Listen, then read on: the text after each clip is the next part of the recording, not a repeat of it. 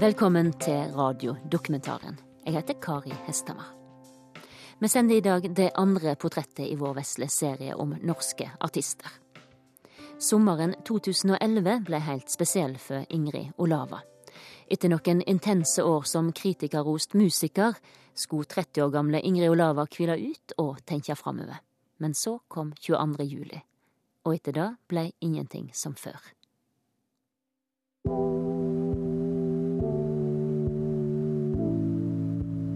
Det er, det er, først nå, egentlig det siste halvannet året, at jeg begynner å liksom to år, at jeg har fått et her hvor jeg bor nå, da, at jeg har fått et hjem som jeg føler er et hjem.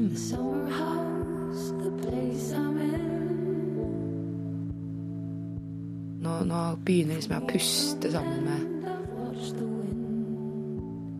alt det som skjer. Nå går jeg ut av dusjen, og så i morgenkåpa så setter jeg meg og spiller i ti minutter, og så før jeg går, spiller jeg ti minutter til. Altså, det er sånn der, jeg kommer tilbake igjen en del ting som jeg har savna veldig.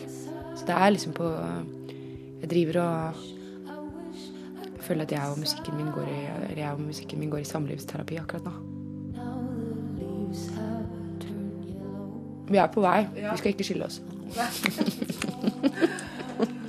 Men det var Det føltes som det liksom Det var, det var tøffe tak en stund, altså. Det var det. Et lite øvingsrom med utsikt mot bakgården. Mot en gulgrønn vegg står et hvitt piano. Her kan Ingrid Olava lukke døra til sitt eget rom. Det er noe med bare å omgi seg med litt sånn minner. Subway-kart av New York. Toronto. Da er det litt forskjellige ting her. Her er plata til Bjella, der er plata mi. Det er meg. Over pianoet et maleri av Ingrid i fritt fall. Det, um, det, var en kunstner som hørte meg spille en konsert som uten at han visste det, så malte han noe som korresponderer veldig bra med uh, drømmene mine. Så jeg syns det var så sprøtt. Hun har lukkede øyne, en kortarmet, lys sommerkjole. Det ser ut som hun sover mens hun faller baklengs i løse lufta. Dette minner meg, Det bildet han endte opp med å male, minner meg om mine egne drømmer av å falle. Jeg drømmer jo at jeg dør hele tiden. da. Jeg ser jo at jeg dør, eh, men at Jeg vet ikke. Fritt fall. Det er noe et eller annet med det, da. Overgivelse. Mm. Love,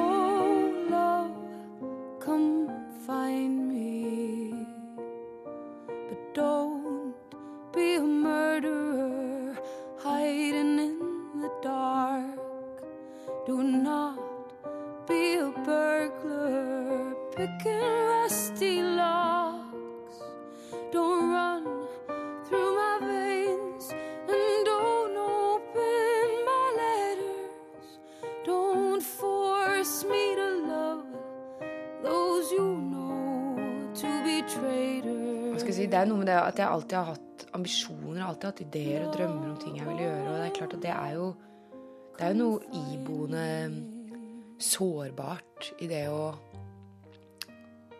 å håpe, ikke sant? At man, at man drømmer om noe.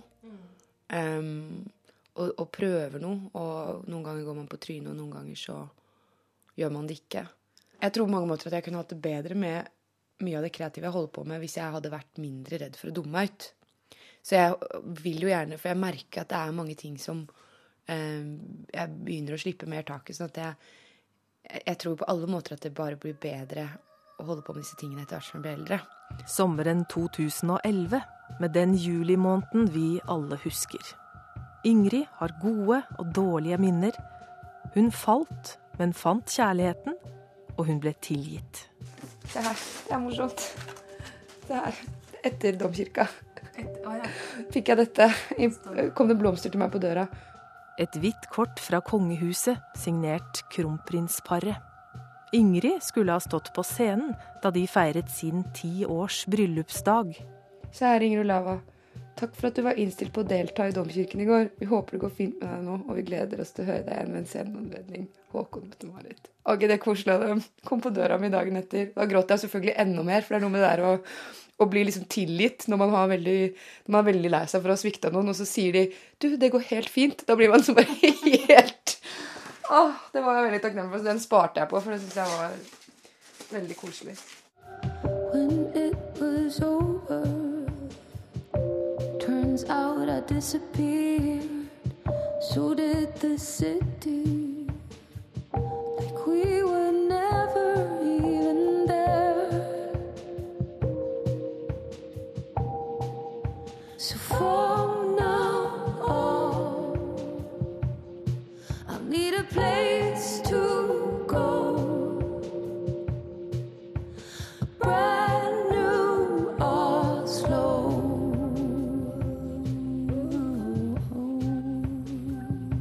Jeg var eh, veslevoksen. Det er jeg vel på en eller annen måte fremdeles, tror jeg. Altså, Jeg tror ikke jeg er så veldig annerledes. At jeg syns det morsomste i hele verden var å sitte og høre på de voksne snakke. eh, Og jeg, jeg ville Altså, jeg tror jeg hadde veldig lengsel mot å bli voksen og bli tatt på alvor og ikke ikke kunne liksom bli avfeid med at jeg bare var et barn og ikke visste og ikke kunne ting og sånne ting. da. Barn er litt sånn skjønne på den måten at man tar liksom litt den rollen man får. Hvis læreren sier ja, men du er den som gjør det, Ingrid, så er man det, liksom. Det er jo det som er nydelig med barn, at de er fleksible, men det er også helt forferdelig, fordi det er så sårbart hvis ikke folk hvis man ikke, hvis man ikke har kloke voksne rundt seg, så er det jo veldig sårbart. Men at jeg var ganske pågående og utadvendt, at jeg rakk opp hånda hele tiden. Jeg var skoleflink, og jeg var liksom den lille jenta. Det var jeg jo. Ehm, Men du var ikke sånn 'se på meg, se på meg, nå skal jeg' jo, jeg var det òg, ikke sant? Men liksom ikke Jeg var jo glad i oppmerksomhet, tror jeg. Altså. Jeg tror, jeg tror alle som kjente meg da jeg var liten, ville steila hvis jeg sa at jeg ikke likte oppmerksomhet da jeg var liten. For det, men jeg tror det, på en eller annen måte hadde jeg vel en slags idé allerede da om at jeg ville at det skulle være på mine egne premisser, da.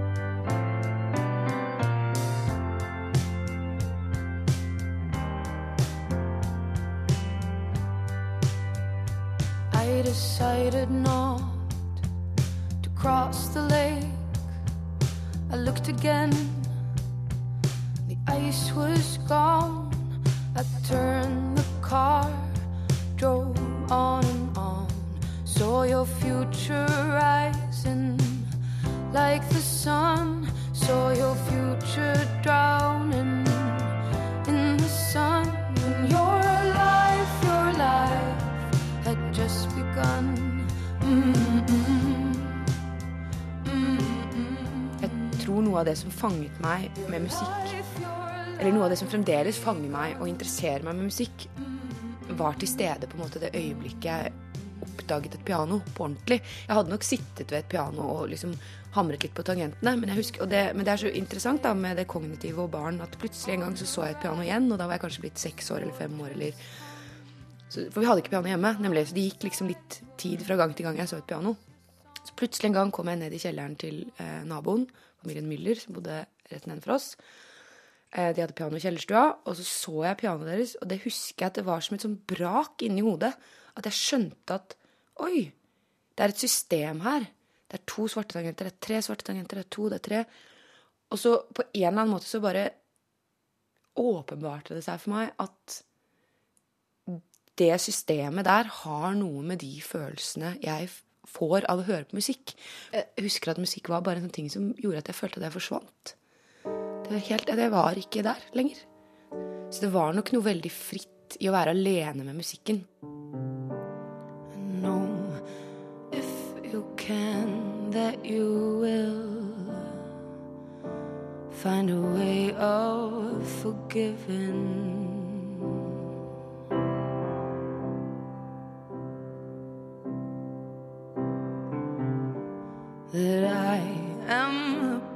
Poster child still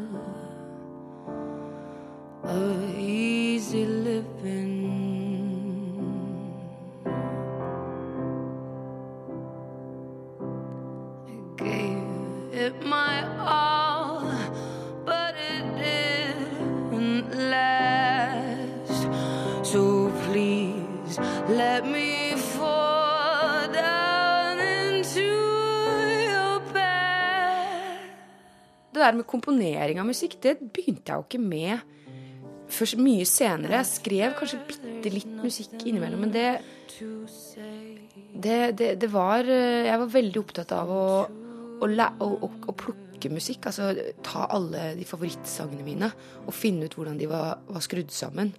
Jeg, jeg, hadde på en måte veldig sånn bruk for og glede av um, pianospillinga egentlig med det samme. Og så forandret det seg jo veldig det øyeblikket jeg bestemte meg for å begynne på videregående på musikklinja. Det var jo et veldig stort valg. Det var jo et veldig bevisst valg, fordi det var jo også en lang reise. Jeg dro jo til Gjøvik hver dag fra Lillehammer og sto opp grytidlig, for jeg fikk ikke lov å flytte på hybel når jeg var 16. Så jeg måtte stå opp um, 05.20 sto klokka mi på. Så dro jeg og, og gikk på videregående.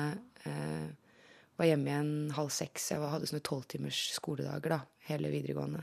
Og møtte en lærerinne som jeg tror kanskje til dags dato eh, er den liksom viktigste personen i min Hva skal jeg si I mitt liv sånn rent faglig, da.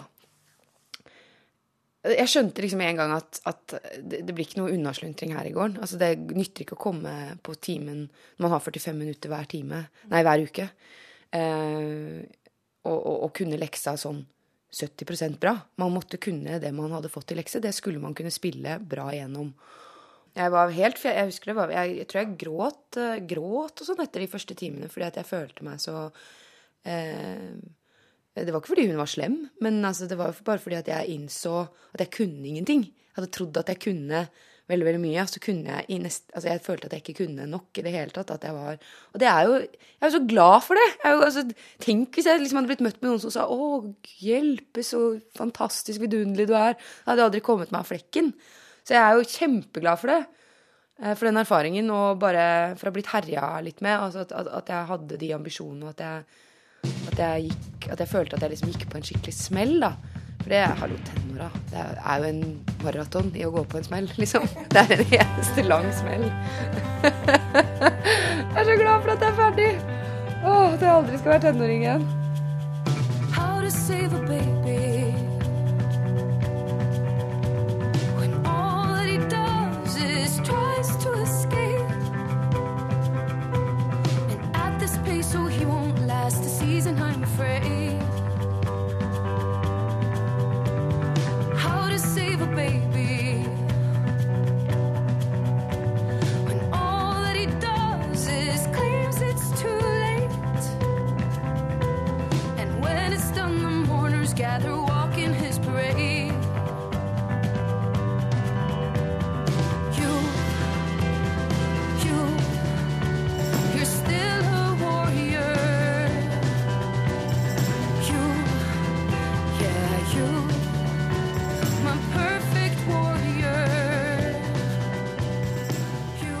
Kan vel egentlig si at fra å bare sitte inne og spille piano og ikke kjenne noe særlig mange mennesker, så på veldig veldig kort tid så fikk jeg platekontrakt og bookingbyrå og sluttet på psykologistudiet og og var jo så klar for å bli sett. Er du gal? Jeg var jo så klar, men samtidig tror jeg jo at jeg overhodet ikke hadde noe særlig begrep om at det liksom ville koste noe, eller være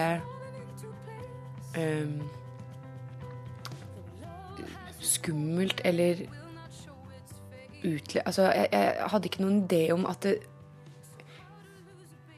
skal jeg, Hvordan skal jeg formulere det, da? At jeg trodde, jo? For dette var liksom en hemmelig verden for meg. Den musikken har vært helt fra jeg var veldig liten. Og det jeg ikke kobla, var det at hvis jeg slipper hvis jeg slipper den hemmelige verden ut dit, til alle de andre, så kommer alle de andre også inn i den hemmelige verden. Jeg skjønte ikke at det gikk begge veier. Hvis jeg først åpner døra, så går det ikke bare ut, det kommer også inn. Og det har vært Og så er det noe med at når du opplever noe sånt som jeg opplevde, som er veldig ekstraordinært? Det å, å plutselig få en sånn stor platekontrakt og, og få fantastiske ressurser Vi fikk dra til et av, av Europas aller fineste studioer og spille inn debutplata mi. Eh, Jeg hadde med et symfoniorkester liksom, på flere sanger på altså, Det var jo helt overveldende. Altså, når jeg ser tilbake, hvis jeg ser et videoklipp fra liksom fra den gangen, hvis jeg ser sånn Ser et eller annet og ser hvordan jeg prøvde å, å stå der og Ja, dette syns jeg er kjempegøy, og Mens liksom Jeg ser, jeg, jeg ser jo at turtallet mitt er jo helt ikke sant? Det er jo så høyt, for at jeg står og prøver å liksom kalibrere liksom, meg selv mot denne nye virkeligheten. Hva betyr alt det her, på en måte? Hva, hva, hva sier det om meg? Og ikke minst, det aller største poenget er jo Kommer jeg til å klare å liksom levere alt dette? Det var, det, jeg og slett brukte mange år på å prøve å finne en eller annen slags hverdag i det. Hvor man ikke føler at når som helst kan det være over. Når som helst så får du aldri lov å spille mer. Så som, altså, det, jeg vet ikke, jeg. jeg det, ble, også, også, det drepte jo musikken litt for meg. Altså det der at alt som hadde med musikk å gjøre, ble sånn prestasjonsorientert. Det, det gjorde at jeg, jeg fikk liksom ikke lyst til å gå og sette meg ved piano. Og det var jo så sorg.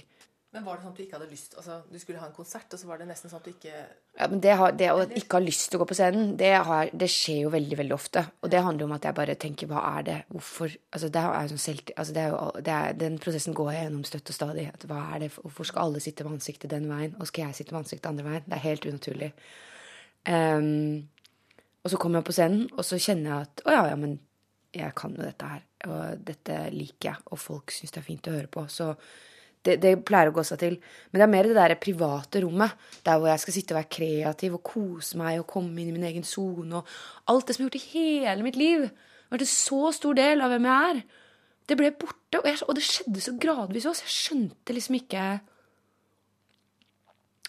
Jeg skjønte ikke helt at det skjedde heller, før jeg plutselig bare var Plutselig bare var liksom borte for meg.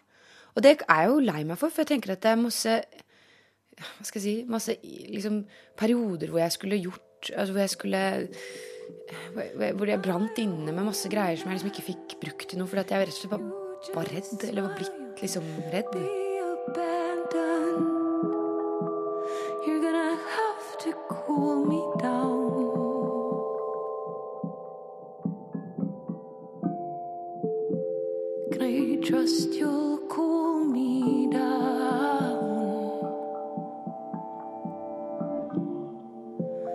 Get my feet back on the ground? Noe av det vanskeligste jeg gjør, eksempel, det er jo øh, å spille solokonserter. Det er jo en, det er ganske heavy. Sitte alene på scenen i kanskje en time, 25 minutter, eksempel. Og da er det vel en Jeg tror nok at en, en viktig del av av å, å bli klar for det for meg, handler om å gjøre seg i stand. Altså det, du bruker den tiden det tar. Jeg tar meg veldig god tid. At jeg liker å gå ut på scenen og så liksom På en eller annen måte at, at det skjer noe. Hvis jeg liksom Hvis jeg liksom skjelver litt, eller hvis jeg Så bare har jeg skjønt at jeg må bare Da må jeg bare istedenfor å prøve å gjemme hendene mine, så må jeg holde de fram. Altså sånn at, Men hvis jeg liksom holder hendene åpne og, og håndleddene ut på en eller annen måte altså, Og det er ikke noe sånn jeg gjør som en gest at alle ser det, men at jeg liksom på en eller annen måte bare får vist fram den skjelven, så bare så blir den borte. Men hvis jeg prøver å liksom stenge den, da begynner den å dytte i meg, og så blir den uhåndterlig. Liksom. Så det er noe med det der å bare Men det har, nå har jeg begynt å få Nå har jeg kontroll på det. Nå kan jeg, liksom, nå kan jeg faktisk liksom tillate meg å, å virkelig kjenne etter i kroppen hvor nervøs jeg er, og glede meg litt over den, for det gir jo også en energi.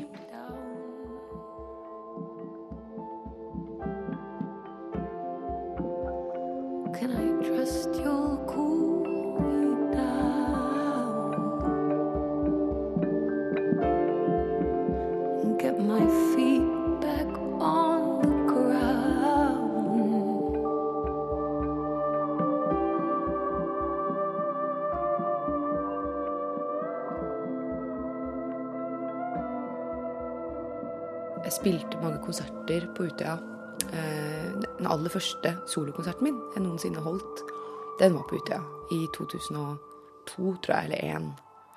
Da hadde jeg aldri spilt en time alene, spilt og sunget. Jeg var så nervøs at jeg Men, jeg, men det, det, var veldig, ja, det var en veldig fin opplevelse. Jeg ble på øya mange dager etterpå. Jeg har veldig mange venner i AUF.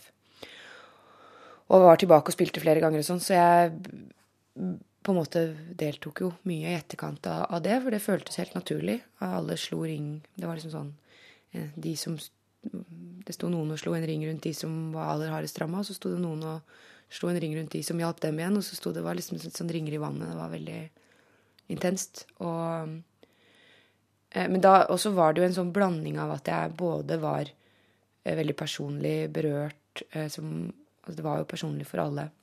Og hadde jo eh, noen veldig gode venner eh, der ute, og som alle heldigvis klarte seg fint. Eh, men det var nok en blanding da, av at jeg var både veldig personlig berørt, og at jeg da gjorde disse offisielle oppdragene, på en måte. Altså, jeg tror jeg og Jens Stoltenberg på en måte opptrådde i sammenheng da fire ganger eller noe sånt i etterkant av det. Um, hvor jeg da ikke fikk det ble, For det er så viktige ting. Det er så viktig, det er så enormt viktig at det, at det blir ok. Uh, og at man, ja, man husker altså sånn, Bare sånne idiotiske ting som man bare blir så redd for at noe skal bli galt fordi alt er så følsomt. Og, og så, så det, det, ble rett og slett Og så, jo, så spilte jeg konserter også. Hele den første uka etterpå spilte jeg åtte konserter solo rundt omkring med folk som bare satt og gråt. ikke sant? For voksne mennesker som, som tok, liksom, satt hjemme og holdt maska foran barna sine. ikke sant? Så kom de på konsert og satt og jeg har aldri følt meg mer som en prest i hele mitt liv. Jeg, jeg, sa nesten ingenting mellom låtene. Vanligvis snakker jeg jo mye, men uh, da ble det bare sånn konsert hvor jeg satt og spilte og spilte og spilte. Where are all the boys I believed in? Fa la la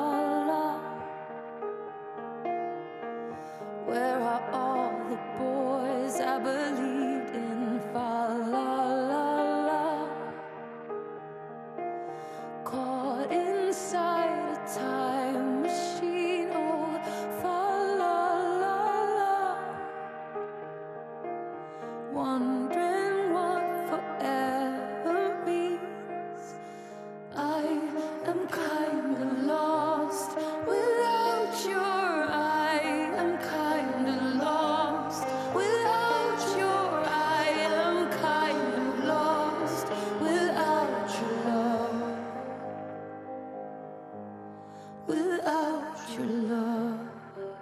Det, det siste liksom, si, offisielle oppdraget jeg hadde i forbindelse med 22. juli, det var um, å spille på den nasjonale minneseremonien 21. august. Da hadde jeg vært på Utøya dagen før og spilt for de overlevende ungdommene som var der da.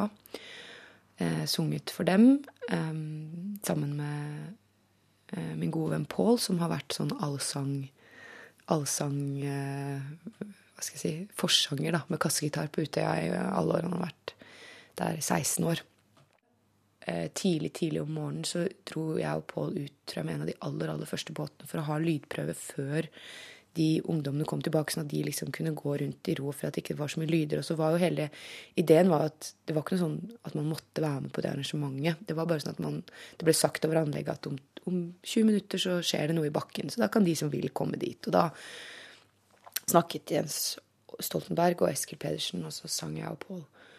Um, så vi gikk, vi gikk liksom rundt på Utøya grytidlig om morgenen i sola. Um, ja, det klarer jeg nesten ikke å snakke om. Men det, det var veldig rart. Um, og veldig fint. Altså, det var uh, forferdelig trist. Og, men det var liksom sol. Jeg husker jeg tenkte over at jeg er så glad for at det er sol. Fordi at hvis det hadde regna, så hadde det liksom minna de barna som skulle komme tilbake, altfor mye om den dagen. Så jeg var liksom bare utrolig letta over at det var fint vær. Men jeg husker veldig godt eh, helt sånn uforglemmelig minne at eh, Um, for det var jo allerede vakter ute på øya. Det sto jo folk fra Sivilforsvaret og noen folk fra politiet. Um, og jeg husker at For de pårørende hadde vært der dagen før, så det lå jo blomster og sånn overalt. Um, og husker jeg det satt en politidame og tente noen lys på kjærlighetsstien. Så, for hun, vi kom liksom noen meter unna, så husker jeg bare at jeg stoppa, så så jeg at hun politidama satt og tente i lysene, at hun gråt. Og så tenkte jeg uff a meg. Og det bildet har på en måte blitt egentlig tristere etterpå. Where are all the girls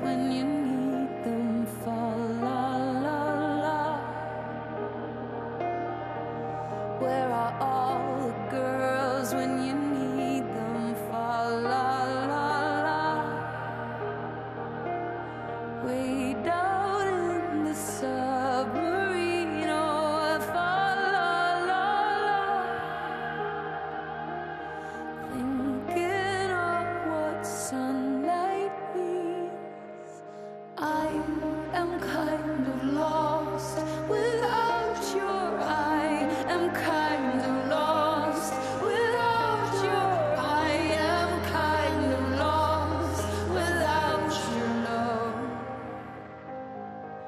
Det var jo også veldig fin stemning. Altså, det var jo noe Det var også sånn som jeg, som er opptatt av tenker på historier. At mennesker alltid vil fortelle historien sin, og at, at, vi, at det er sånn vi lever livene våre.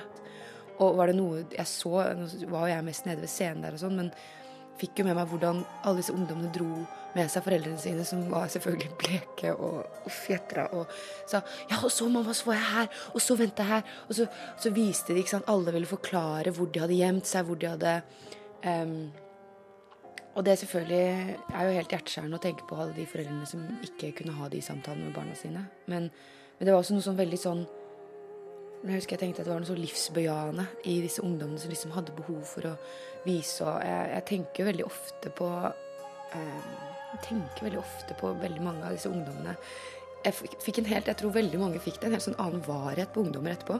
Når man ser tenåringer som sitter sånn og, og, og er irriterende tenåringer på trikken, liksom, så tar jeg meg i det at sånn Så unge var de.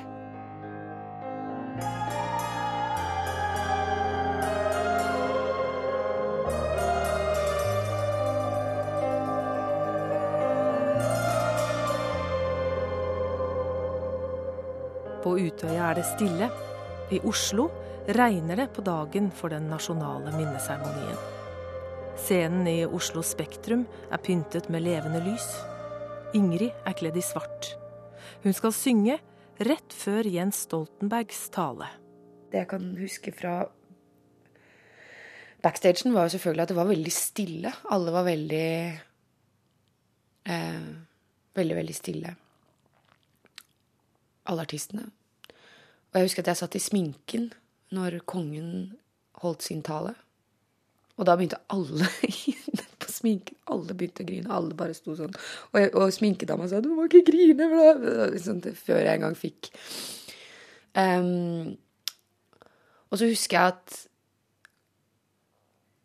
at jeg gikk en tur mellom generalprøven Og da var det helt Mellom generalprøven og showet så gikk jeg meg en tur. Og da var det helt stille i byen. Det føltes som det var helt tomt. Når jeg var og gjorde den siste sånn at de sminkedamene så på meg, da hørte jeg på monitoren Da hadde de begynt å lese opp navnene på de som hadde omkommet. Og så gikk jeg hele den lange veien fra kjelleren av Oslo Spektrum, bak alle bilene, hele veien. Og da var de ennå ikke ferdige når jeg kom opp. Og så gikk jeg fram på scenen, og så skulle de vise en liten video, sånn at jeg hadde på en måte ett minutt, tror jeg, til å stå der framme på den scenekanten foran alle disse hjelpearbeiderne og foran alle de overlevende, foran alle de pårørende som var der, og foran hele den salen. Og det, jeg, det klippet orker jeg ikke å Det har jeg nesten ikke orka å se på selv, fordi at jeg ser at At jeg er liksom bare i ferd med å liksom knekke i to. Um, men uh, jeg, jeg, har ikke fiksa å se på det. For jeg, jeg, husker at det jeg tenkte på etterpå, det er også veldig typisk meg. da, at um, Det jeg tenkte på etterpå, var at jeg ikke sang noe fint, og at det var utrolig dumt, liksom. Og så, uh, og så fortsatte altså, Ja, det er det jeg har tenkt på. At, eller første reaksjonen min var bare at du sang ikke fint, liksom. Du mislykket med oppdraget ditt, på en måte. Eh, men så skjønner jeg hvorfor ikke jeg sang noe fint. Det var jo fordi at jeg måtte bruke veldig mye av kreftene mine på å ikke begynne å gråte. When you're weary Feeling small When tears are in your eyes I will try them all. I'm on your side. Oh, when times get rough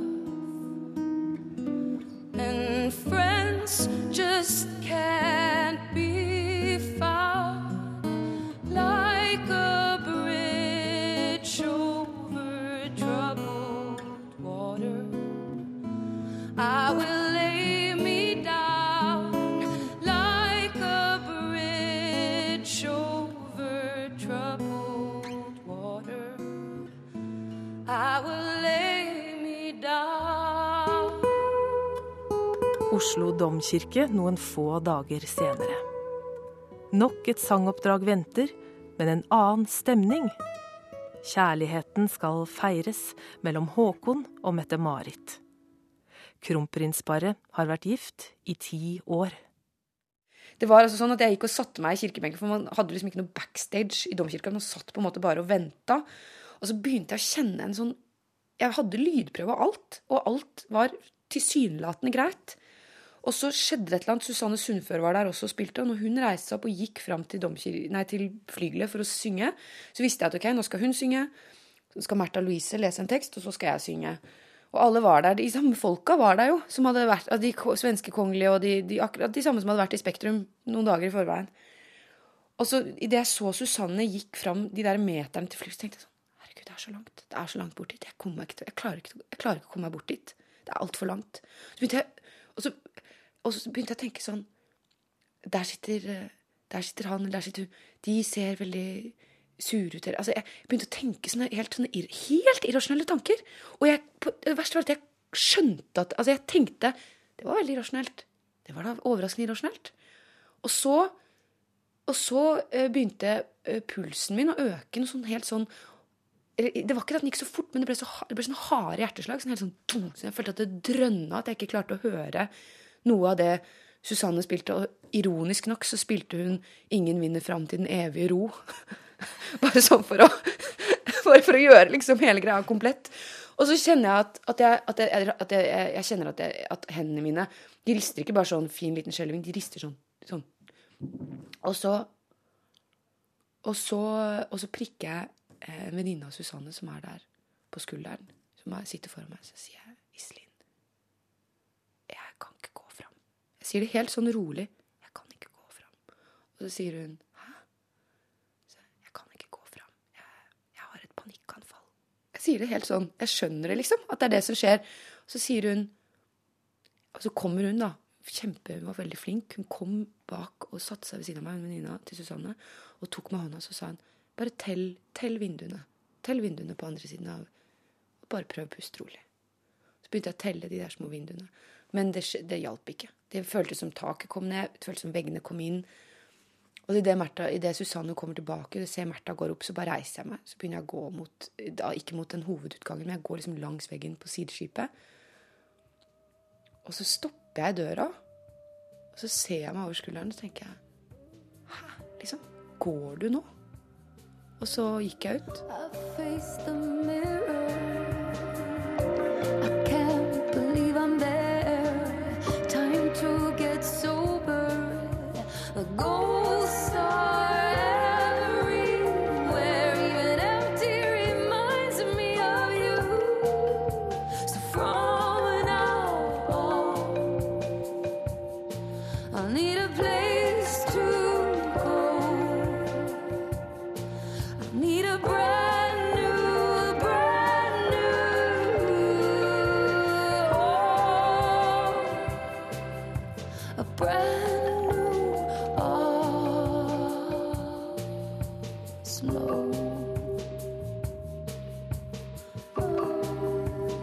det som skjedde dagen etter, var Og det er jo det her som, som de sier i Fredrikstad, det kommer i kladder. Altså Jeg har to skuespillervenner som er gift, eh, som heter Frank Kjosås og Marie Blokhus. Og de var helt selvfølgelig da, helt sånn Nei, du skal ikke sitte inne nå og bure deg inne og sånn. Nå må du bli med ut og Og så gjorde jeg det, og så ble jeg med, og så sa de ja, så må du, må du bli med Skal vi videre etterpå, for de har åpna restaurant i foajeen på Norske Teatret som heter Kafé Løve. Den har åpning i dag. Så det må du bli med på. Og så Men så ble jeg med de, da, og tenkte det var bedre enn å være alene og, og sånn. Eh, og så gikk jeg, satt, kom vi ned der på det Kafé Løve, og så kom da sjefen til Frank og Marie bort. Han het, presenterte seg og sa at han het Erik Ulsby. Og så var det første han sa, var jeg må bare si at jeg så deg på den minnemarkeringa på søndag i Spektrum, og jeg syntes det var så rørende, og, jeg ble liksom helt sånn Hæ? Og så, etter det, så satt vi og Etter det, så Ja, nå skal vi gifte oss, da. så det var liksom Eh, det var eh, der, der, møtte jeg, da møtte jeg da ektemannen min da, dagen etter. Det er vel ikke tilfeldig kanskje at man når man har vært veldig veldig lei seg, så, annen, så er man vel åpen på en eller annen måte òg, i forhold til å For Erik sier jo det nå. Sånn, du var jo Du var utrolig lei deg når vi møttes. Altså, jeg Og jeg var Jeg, jeg skjønner jo ikke helt eh, hvordan Ja, men på en annen måte altså Man kan si at det er rart at man kan møtes under sånne omstendigheter, men kanskje er det ikke så rart heller. Kanskje er det helt Kanskje er det på en eller annen måte logisk også. At man blir veldig sånn Man ser hverandre veldig tydelig, da. Dark-eyed December, darling, the way you held my head. Try to make love when bells are ringing. Had to escape your bed. I'm in denial about what you said last night. Jeg har fått noen aha, hatt noen aha-opplevelser um, um, i forbindelse med det å spille for folk som er lei seg. Og da husker jeg tenkte at jeg faktisk klarte å tenke at dette har ingenting med prestasjoner å gjøre i det hele tatt. Klarte jeg plutselig å tenke. Dette er ikke noen prestasjon involvert. Det handler kun om på en måte å være til stede i det øyeblikket sammen med den familien og de menneskene som er der.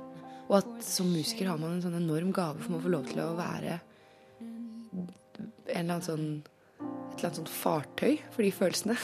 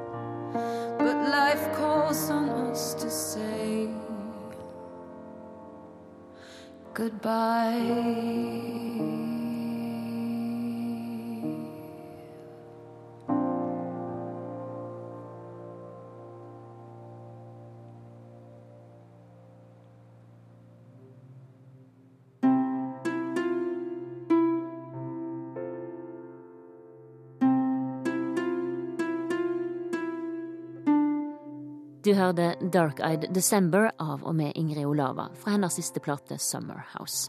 Og det var Siv Wammer som hadde laga dette portrettet. Erki Halvorsen hadde den tekniske regien, og konsulent var Kari Hesthamar.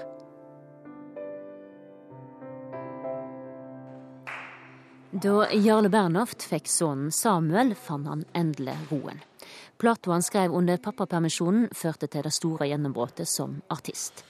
Trikset er å prøve å tenke på det på en sånn kynisk, profesjonell måte, og ikke tenke på det som en sånn Prøve å tenke på det som en musiker og en artist istedenfor å tenke på det som en familiefar.